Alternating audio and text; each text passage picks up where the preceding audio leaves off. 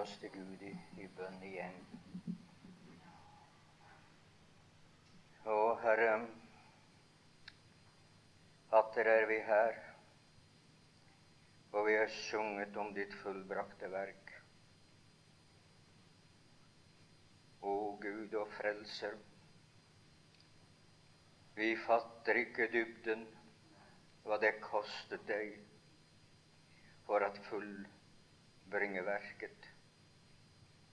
Men takk for det at vi tror dem, og at vi har opplevd så mange som har tatt imot deg, at det var kraft i lammets blod, at det var seier i din oppstandelse. Og takk for det fullbrakte verk, hva det skulle åpenbare, hva det gir oss, hva vi er bestemt for, hva vi skal nå frem til. Vi priser deg og tilber deg. Og når vi nå skal fortsette å lytte til ditt ord slik som at det har blitt lest, vil du så gjøre det levende for våre hjerter, så vi kan likesom være med deg i en langfredag og beskue deg ut fra ordets opplysning og kunngjøring, og gi oss en stille stund med deg, o Herre. Hører du oss, vi ber, o Gud, i Jesu Kristi navn. Amen. Fra det samme kapitlet eh, som broder Brekke leste for oss, eh, vil vi fortsette å lese. Og vi begynner da med det 32. verset og leser en del av det som er igjen av kapitlet, ikke det hele. I Lukas evangelium i det 23. kapittel og begynner ved det 32. vers. Også to andre to ugjerningsmenn ble ført bort med ham for at avlives. Og da det var kommet til det sted som kalles Hodeskallen, korsfestet de der både ham og gjerningsmennene, den ene på hans høyre og den annen på hans venstre side. Men Jesus sa, Fader, forlat dem, for de vet ikke hva de gjør. Og det delte hans klær mellom seg og kastet lodd om dem.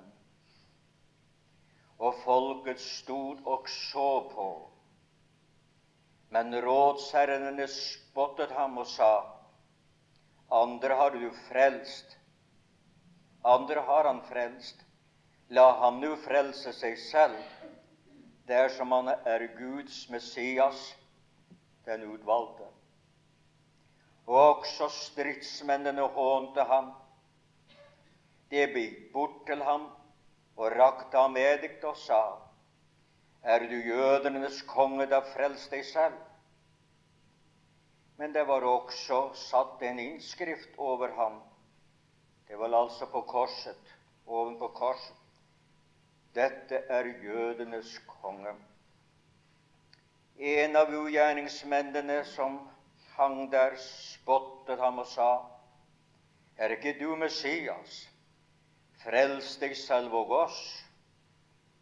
Men den andre svarte og irettet ham og sa, Frykter du ikke engang for Gud, du som dog er under samme dom? Og vi med rette for vi får igjen hva våre gjerninger får skyldt. Men denne har ikke gjort noe galt. Og han sa, Jesus, kom meg i hu når du kommer i ditt rike. Og han sa til ham, det vil si Jesus sa til ham, sannelig sier jeg deg, i dag skal du være med meg i paradis. Og det var omkring den sjette time nå regner jødene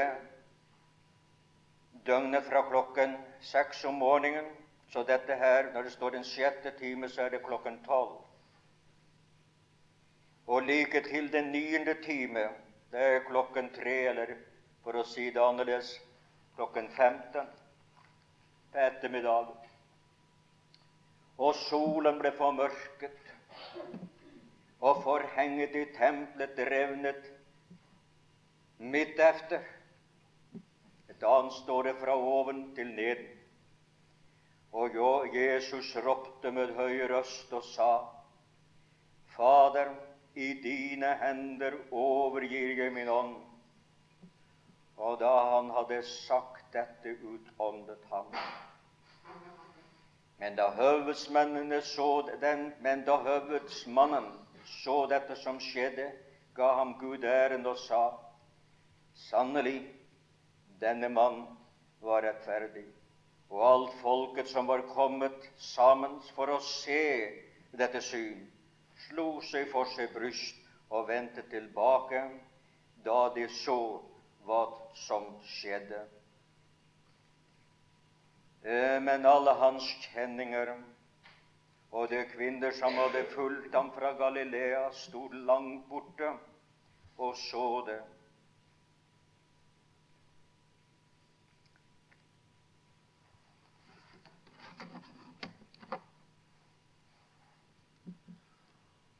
Når jeg søkte å danne meg et bilde av det som her skjedde, så synes jeg at jeg kunne sette som overskrift et stormøte på Golgata. Men å, hvilket møte! Et møte laddet av hat, og spott. Hvilken stemning der oppe på fjellet. Så djevelsk, så demonisk, så ondskapsfullt som bare djevelen kunne inspirere menneskene til. Stemningen, den var fryktelig. Det var mørkt i menneskenes sinn og hjerter. Og det ble mørkt også for vår Herre en liten stund. Og det ble mørkt i naturen. Der var stormøtet på Galgatahøyen der var et samlingssted, et midtpunkt. Dette midtpunktet, det var et kors. Ja, det var tre kors. Men det så ut som, og det ser ut som, at de to det spilte mindre rolle. Det ble ingen hån rettet mot dem. Det ble ingen spån, spott, som de måtte svelge.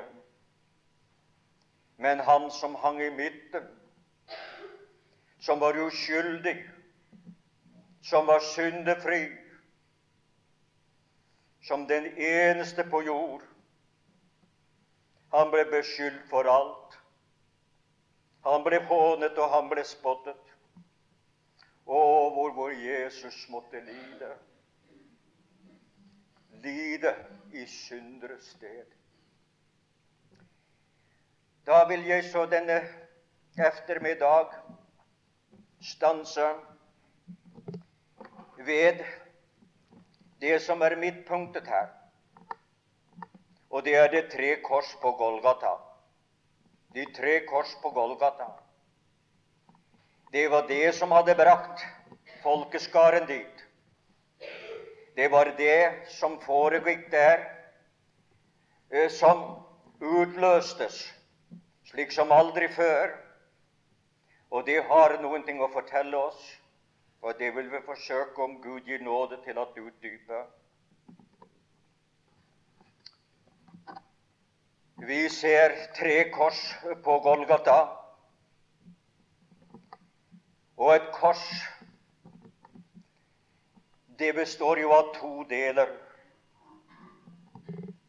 en oppadvendt stake og et tværstykke. Et som peker mot himmelen, stykker som peker mot himmelen, og et som stykker peker mot verden. Utad, og de krysser hverandre, men de er ikke forenet kun alene på i sentrum. Og der ligger også en stor sannhet.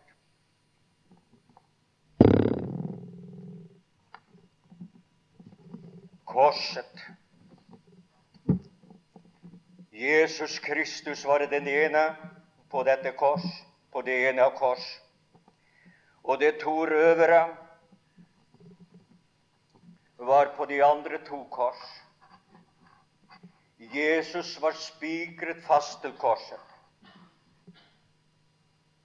naglet til hendene og naglet til føttene, med føttene over kors eller kryss. De to andre var bundet til korset med drep. Det var stor forskjell, og sikkert er også dette noe å kunne lære oss.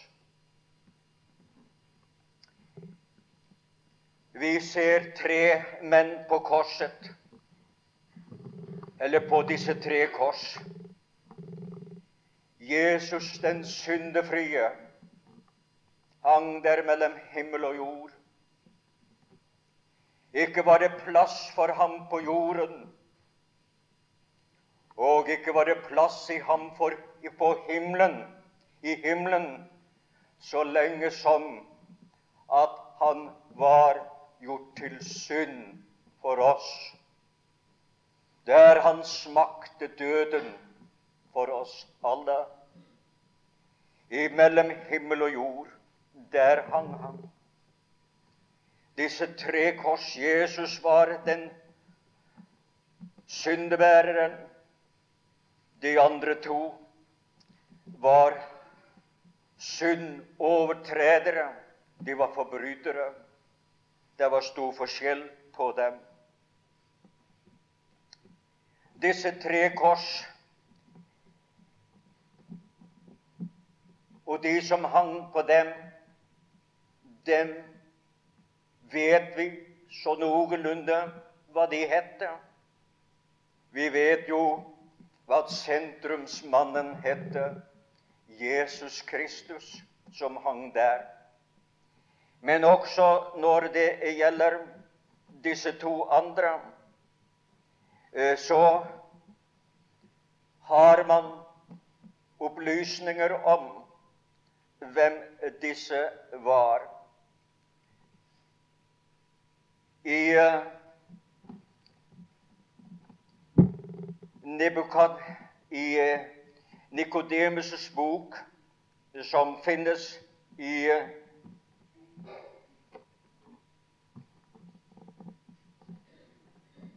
apokryfiske Nytestamentet, i kapittel 7, vers 3, på side 72 og 73, er det omtalt hva disse røvere hette.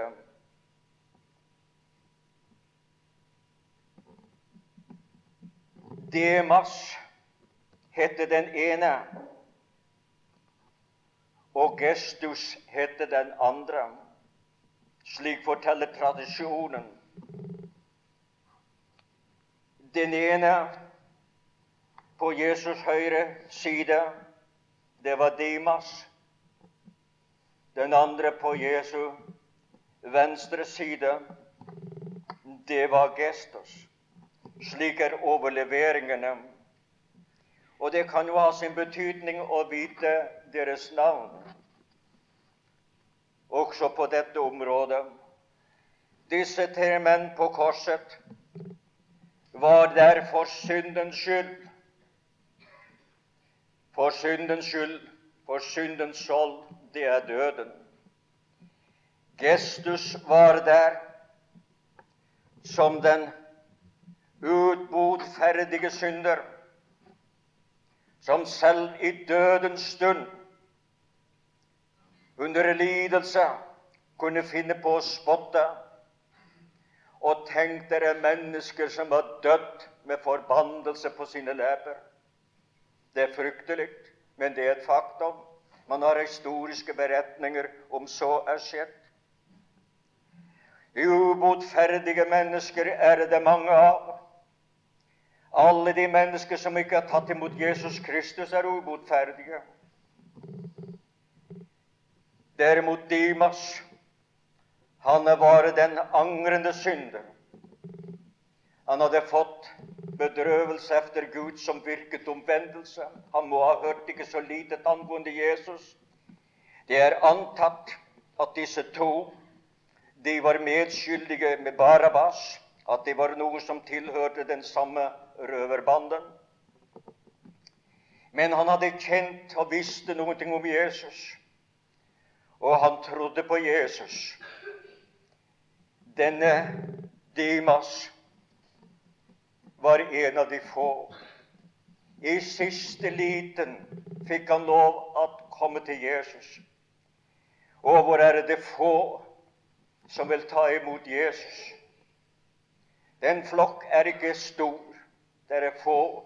Derfor blir det ofte sagt den lille flokk som Jesus kjennes ved.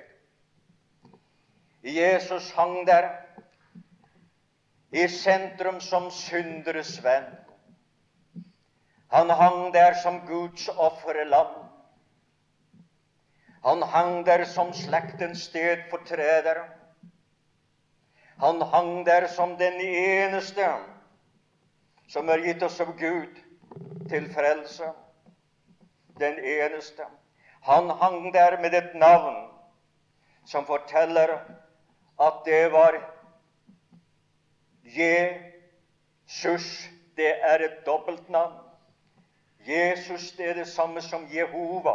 Je, det er Jehova, og sus, det er frelse. Er det flere som har påpekt? Det var Jehova-frelsen. Han hang der, han som var Jehova-veien, Jehova-sannheten, Jehova-livet. Jehova var der og døde i synderes sted.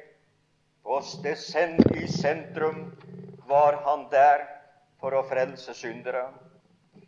Disse tre menn døde på hver sitt kors.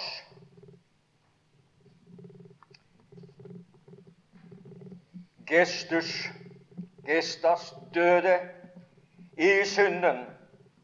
Og er det ikke fryktelig å tenke på at de fleste mennesker de dør i sine synder?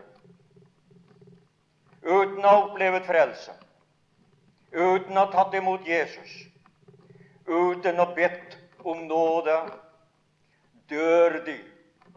De levde uten Gud, uten håp, uten rettigheter, og døde også just fordi de ikke ville ta imot Jesus Kristus.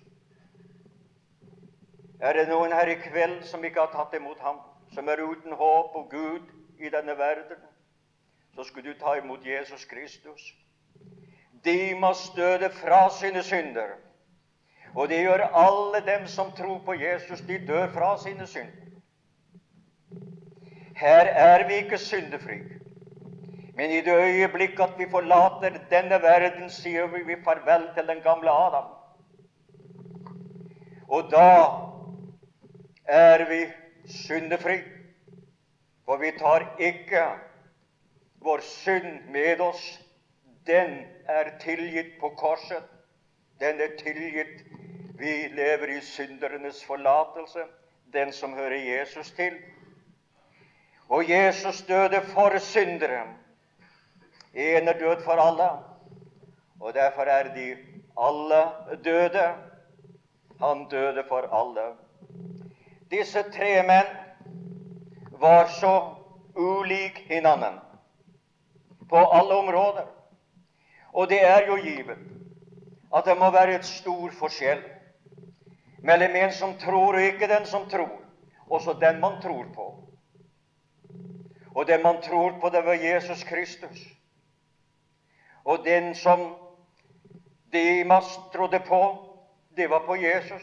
Og den som Gestus ikke trodde på, det var på Jesus. Han trodde ikke på ham. Gestus spottet. Han spottet Jesus og visste han skulle dø, og enda spottet. Så forherdet kan menneskene bli at til og med i dødens stund forherder seg i Jesus. Det er blitt sagt at den store fritenker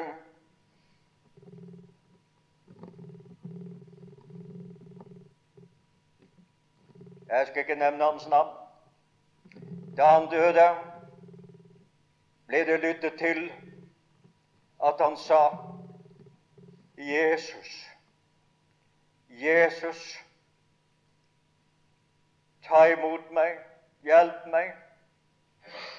Og med det samme han hadde sagt det, så ble det hørt av en som var i hans nærhet. Nei, nei, jeg vil ikke tro på denne mann. Og så døde han i sin vantro. Gestus døde i sin vantro. Gestus spottet, og det er mange spottere. Spottere som står på prekestoler, spottere som gir seg ut for å være teologer. Og det er det frykteligste før i tiden, var kristendommens fiender utenfor prekestolen og utenfor menighetene stort sett. Nå finner man dem innenfor. Det er trøstesløst og fryktelig. Dimas, han bad. Han bad. Herre, kom i hu, meg i hu når du kommer i ditt rike. Det er vel med andre å si, husk meg, kom i hu. Skjenk meg en tanke og denne bønn, så kort som den var, den ble hørt. Sannelig sier jeg deg, det var en guddommelig bekreftelse. I dag skal du være med meg i paradis. Ingen som påkaller Jesu navn, skal bli skuffet. Hver enkelt en som tror på ham, skal bli frelst. Og i siste liten så ble han reddet. Men det er ikke noen ting å stole på for andre. Det er jo mange som sier ja, kunne røveren på korset bli frelst, så kan det være tids nok å søke Herren når at jeg ligger for død. Jeg er to ganger vært like ved å skulle dø. Og i begge tilfeller var jeg så syk at jeg måtte kun si, som jeg lovet å si, takk, Herre, fordi jeg har bedt. Jeg kunne ikke be. Tankene fløy alle vegne. Jeg hadde nok med min sykdom. Nei, når smerten er der, når feberen er der, når avmakten er der, når uklarheten vil senke seg innover Det er ikke tiden til å søke Herren. Men i dag er frelsningens dag. I dag er Gud å finne. I dag kan du motta ham hvis du ikke har tatt imot ham. Og du som har tatt imot ham, du kan prise ham og takke ham og tilbede ham for at han hørte din bønn. Ja, i sannhet, det var godt at det var slik. Og Jesus, hva gjorde han? De var jo så ulike hverandre. Jo, han hang der på korset og ga som den givende. Han har noen ting å gi, og hva ga han?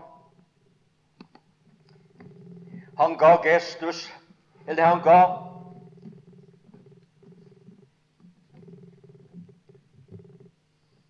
Det er litt mørkt her for meg. Jeg vet ikke om at jeg vil enten slå bort eller tenne litt lys for meg. Takk for det. Jeg ser jo ikke så godt som jeg gjorde da jeg var 50 år. Så takk skal de ha for det.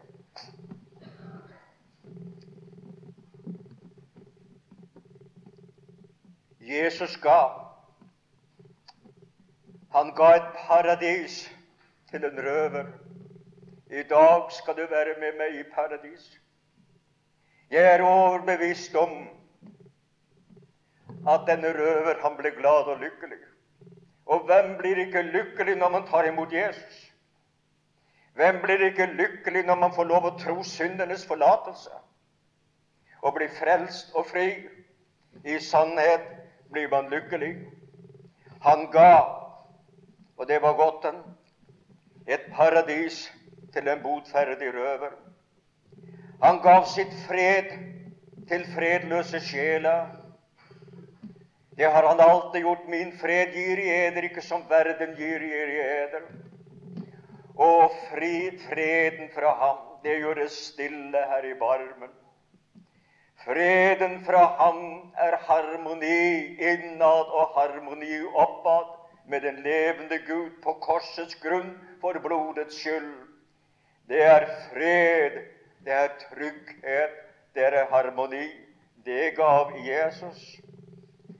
Han gav sin mor til Johannes, og Johannes fikk fra den stund av være i sentrumet av Guds vilje, med hvilket arbeide med å passe Jesu mor. De andre de gikk ut og virket og forkynnet hans død og hans oppstandelse, seiersbudskapet, og tusener av mennesker ble vunnet for Kristus. Johannes, kjærlighetens apostel, var hjemme og passet en gammel kone. Han var like meget i Guds vilje og i Guds gjerning sådan som de andre som var aktivitet.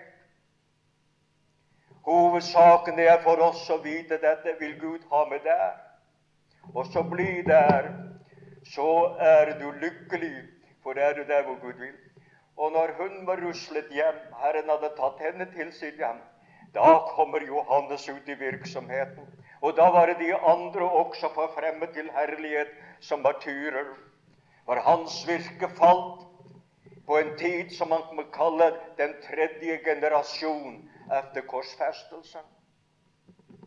Eller etter Kristus, efter Kristus fra, fra Kristi fødsel, den tredje generasjon.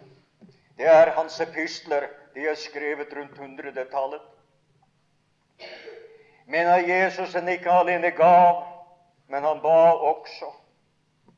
Fader, forlat dem til de vet ikke hva de gjør. Det er kjærlighetens bønn, tilgivelsens bønn, frelsens bønn for synder, om de bare ville tatt imot tilgivelsen. Så ville de ha kunnet blitt frelst. Han ba. Ja, han bar også til slutt. I Fader, i dine hender overgir jeg min ånd. Den bedende frelser på et kors den bedende synder som tror, den spottende synder som håner.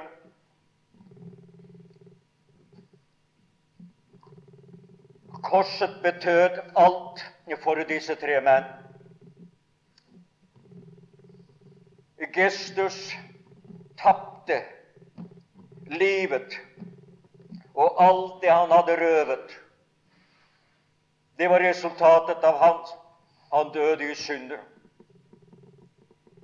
For mange, mange år tilbake var det en millionær i New York som døde. Han må vel ha vært en troende, formoder jeg, for han ga beskjed om at når jeg blir ført gjennom New Yorks gater, så skal det være hull i likkisten, og mine hender skal stikke ut og det skal det være et vitnesbyrd at nøken kom jeg til denne verden, og nøken forlater jeg den. Jeg har ingenting igjen av mitt. Det er alt hva verden kan gi. Men de mennesker som har tatt imot Jesus, de har noe med seg. De har freden, de har frelsen, de har livet, de har saligheten. Å, gudskjelov, de har alt hva Kristi frelsesverk gir og garanterer og det er vidunderlig stort. Så meget har de som dør i troen på ham. Demas vant livet, det evige liv, For den som tror Sønnen, han har livet. Og tenk hva det innebærer å ha et liv som aldri dør, som skal leve i alltid, ved troen på Jesus. Og han trodde på Jesus, og han fikk det evige liv, for det får man ved troen på ham. Og Jesus gav sitt liv der. Så den ene tapte alt, og den andre vant alt. Og Jesus gav alt til synderes frelse, til slektens redning for hver den som vil ta imot ham og tro syndernes forlatelse. Ja, han ble en gjenløsningsbetaling for mange, og disse mange, det var jøderne. Og for alle, sier Skriften, det er en er død for alle, og derfor er de alle døde. Det er ikke det samme som at alle mennesker blir frelst, men det var muligheter hvis de ville ha tatt imot det. Korset skiller slekten i to. For Jesus er alltid i sentrum. Og vi skal vite dette, at det har en betydning å kunne fått forankret sin tro på Jesus Kristus. Og den som har tatt imot ham, han vinner alt, men ellers taper man alt. Da jeg var som forstander i Racine, Wisconsin i 1915 På kirkegården der står der et veldig gravkapell, et mausoleum. Det innenfor disse marmorveggene er nærmest som et hus flott utskåret. Der ligger restene av Rasins borgermester, som da var dødd noen år før jeg kom dit. På dette gravmonument står følgende innskrift. Han var millionær, denne. Adjør, denne verden er mitt hjem. Å gjøre godt er min religion. Og hvorfor skapte en god Gud en ond djevel? Alt det han sa, eller har skrevet det, var usannhet. Hans millioner måtte han forlate. Hans nok hadde han vært en filantrop. Men hva ville det hjulpet ham? Det vil ikke frelse hans sjel. Og denne verden ble ikke hans hjem. Han er i dødsriket blant de fortapte, for han døde uten håp og tro på Gud. Og hans evige tilværelse vil bli hvilskjønn sammen med alle de andre, just fordi han ikke tok imot Jesus, skjønt han kjente til ham.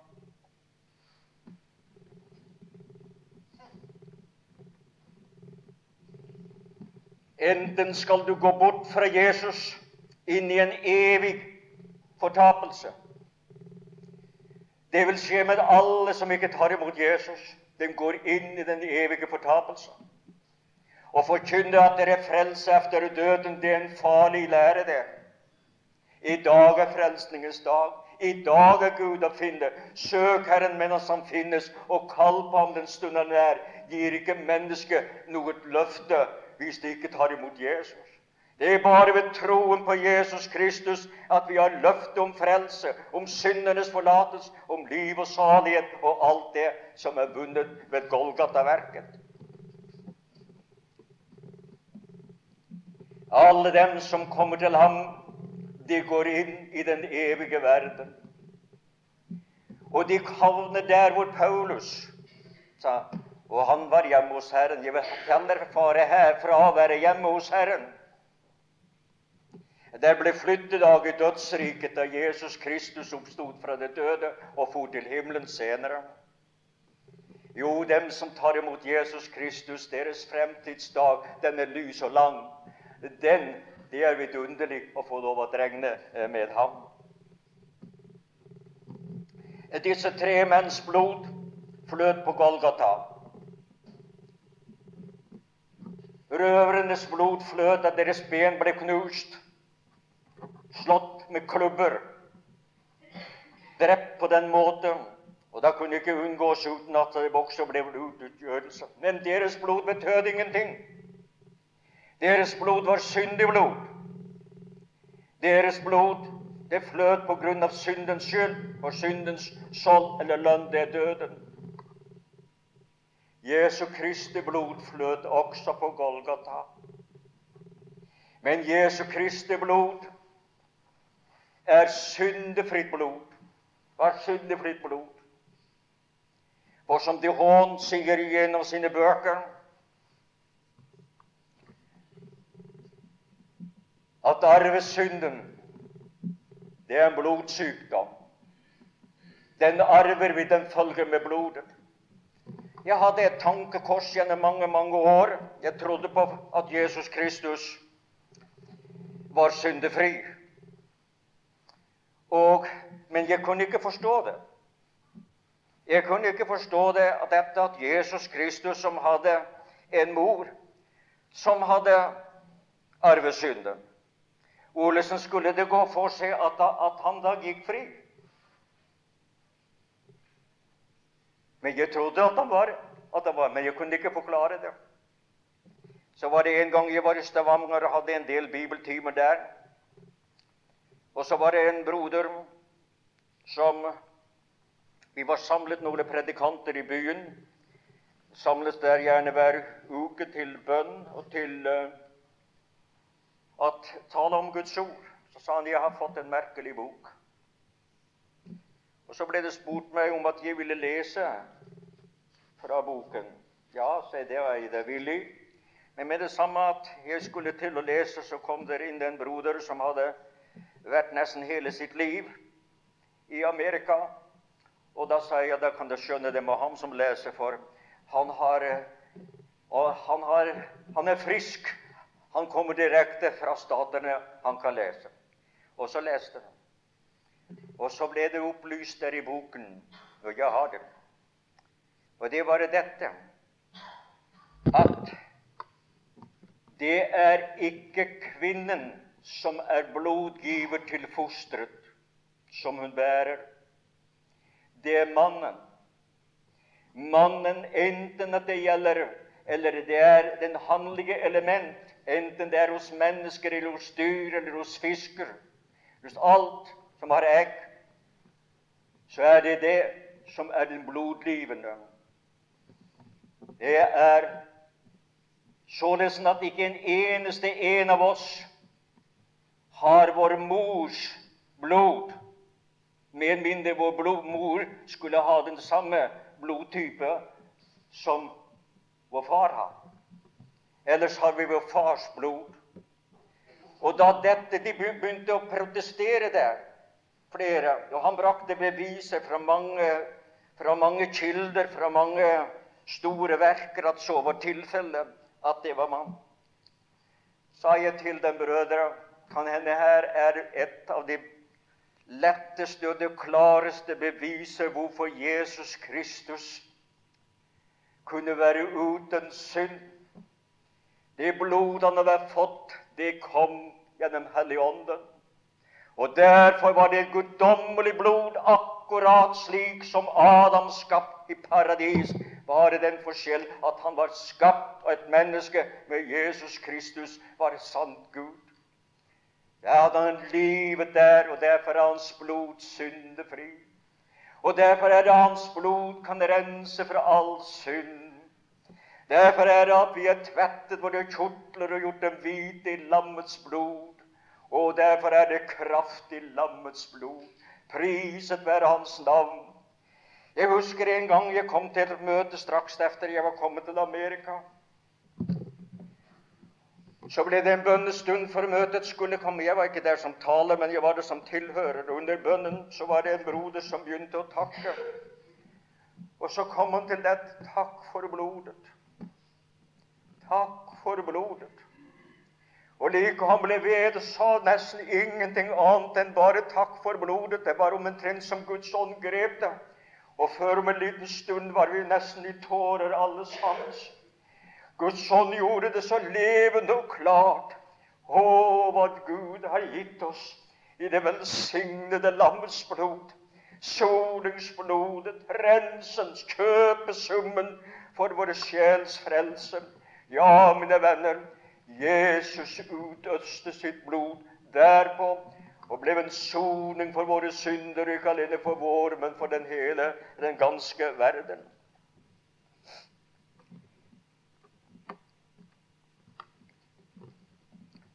Disse tre menn, de avsluttet sitt liv. Gestus, eller ja, Gestas siste dag tok slutt. Og han gikk inn i evighet med et forspilt liv, et bortkastet liv, et ugudelig liv, et vantro liv, en spotter. Sådan gikk han inn i evigheten. Kan noen ting være trystere, kan noen ting være mørkere, kan noen ting være mer håpløst? Og om det skulle være noen ufrelste, så blir det ikke som ham. Dimas Siste dag kom også til slutt. Han døde òg der, samtidig med Gestus. Men hans liv var tapt. Tenk seg til. Hele hans liv inntil de siste timene var forspilt, bortkastet, verdiløst i opposisjon mot mennesker og også mot Gud. Og han får ingen lønn. Han fikk en frelst sjel og berget den. Det forteller oss hvor viktig det er å bli frelst så tidlig som mulig. Den botferdige røvere er like godt frelst som Paulus. Det er ikke noe forskjell på det. For han ble frelst av nåde, og det ble Paulus også frelst av nåde. Ja, det er du og jeg òg blitt frelst av nåde. Paulus vil sikkert få full lønn, og det får alle dem som vier seg helt til Kristus og vil leve for ham. Det er noen som ikke får noe lønn. Det eneste de kan få, det er Guds ros. Men tenk, det er ikke lite det å få Guds ros. Det er det minste som gis. Fordi de trodde på Jesus, på Guds veldige sønn men et liv som var spilt. Det er også grunnen til at når Israel hadde spist påskelammen, så ved påsken ble det den første dag den første dag i året for dem. Så alle de dager så den som var 50 eller 60 eller 70 år Og så kan hende bare levde en dag etterpå. Hvis du spurte om hvor gammel er du? Ja, jeg formoder jo, jeg er sikker på at jeg gjorde det, men jeg vet at meningen ble den. Hvis at han så det rett. Jeg er bare én dag gammel. Alle de andre, det var bortkastet. Tenk hva det betyr å leve for selvet.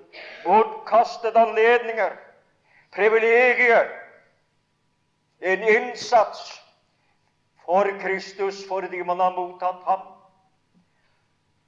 Tapt. Gud teller bare det som er på blodets grunn. Dem som er frelst av nåde, er dem som har funnet mettelsen i lammet og beskyttelsen i blodet, og blir under blodet inntil morgenen grur, og fortsetter den nye dag.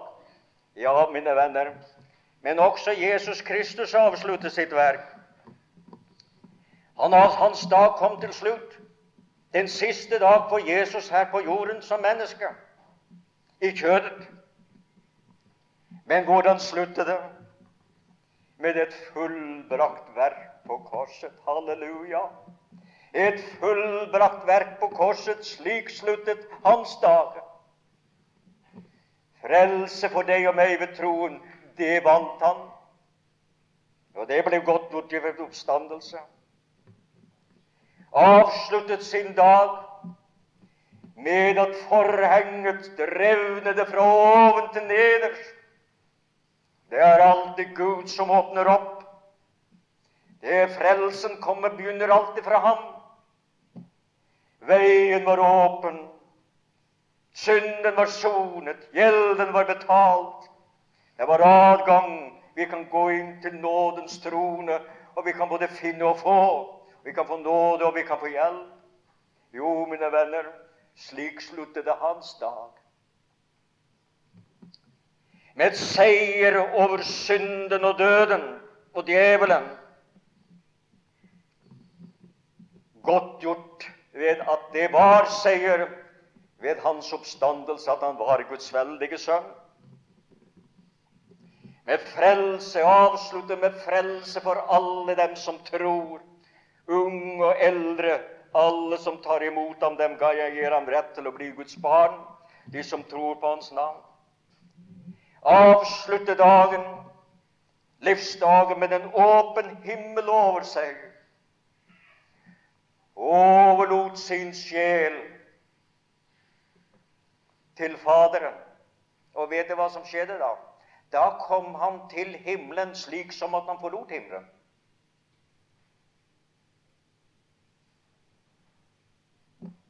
Og så var han i himmelen og i dødsriket og proklamerte sin seier over de gjenstridige på Noas tid.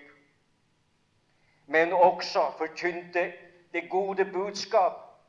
Og Derfor ble evangeliet forkynt også for døde, for at de også skulle dømmes som mennesker i kjødet, men leve som Gud for ånden. Det gode budskap til dem og for dem som har dødd i tro uten å oppnå løftene.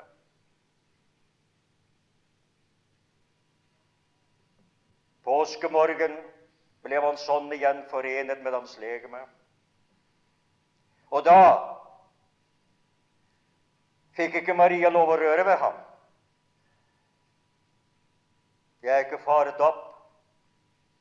Han fortalte han skulle opp til sin far, til sin far og deres far skulle hilse deres brødre. Første gangen han kalte dem brødre. Det er store sannheter der. Det er det som er avskygget ved den store forsoningsdagen, Jom Kippur, hvor ypperste presten gikk inn først. Gikk inn i helligdommen tre ganger. Jeg har møtt mange predikanter som har protestert.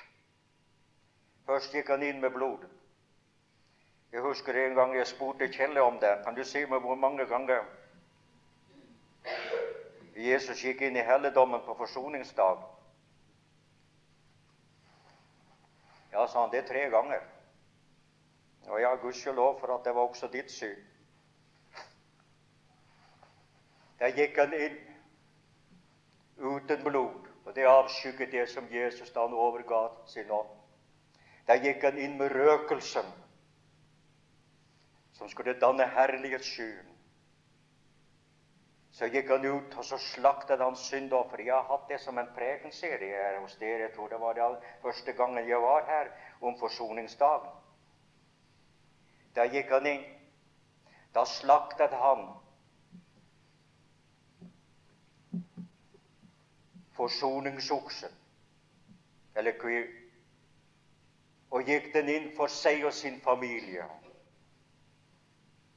Og da han hadde, og de avskygger just dette, var Kristus han døde for menigheten, for familien. Og da Maria måtte ikke få lov å møte ham, røre ved ham om, om morgenen, men disiplene ble innbudt til å føle på ham om kvelden. Mellomtiden har han vært i himmelen. Det tar ikke lang tid å komme med tankens fart farer man herfra til himmelen. Det er hurtig befordring, gudskjelov. Vi er ikke på timevis og månedsvis og år og millioner av år for å nå frem til herdighet. I et øyeblikk er vi der. Så langt som vi vil. Og så, da han hadde ofret, gikk han ut for tredje gang. Og så ofret han syndebukken. Og syndebukken, det var for folket. Og det er fem kapitler i, i, i Hebreerbrevet som behandler just denne side av hvordan han gikk inn den ene gangen, men det var for folket. Så blir det skjønn harmoni hans samfunn med Faderen, hans samfunn med dem som at han har frelst sin familie, og Kristus som frelser for hele verden. Men det var tre stadier der som dere avskygg. Han gikk inn og fant en evig forløsning, gudskjelov. Da var seieren vunnet, bevitnet ved hans oppstandelse. Det er beretningen om de tre menn på korset. Dem som ikke gikk fortapt, den som blir frelst, og ham som vi alle sammen må takke for frelsen og se hen til ham. Gud være takk for frelsen i Jesus Kristus. Har ikke du sagt ja til ham, så si ja til ham. Og du som har sagt ja til ham, la oss prise og takke ham for frelsen full og fri av bare, bare nåde. Hele livet inntil vi er hjemme hos herligheten av bare nåde. Ja, Herre, det var det du ga meg for denne ettermiddagsstund til å peke på hvor ulik du var de andre, og hva du gjorde for å gjøre for dem som tar sin tilflukt for deg. La din fred hvile over den enkelte du som kom og forkynte fred. Du som gjorde fred med ditt korses blod. Og du som er vår fred. Takk for alt fra Kristus og i Kristus Jesus, vår Herre og Frelser. Amen.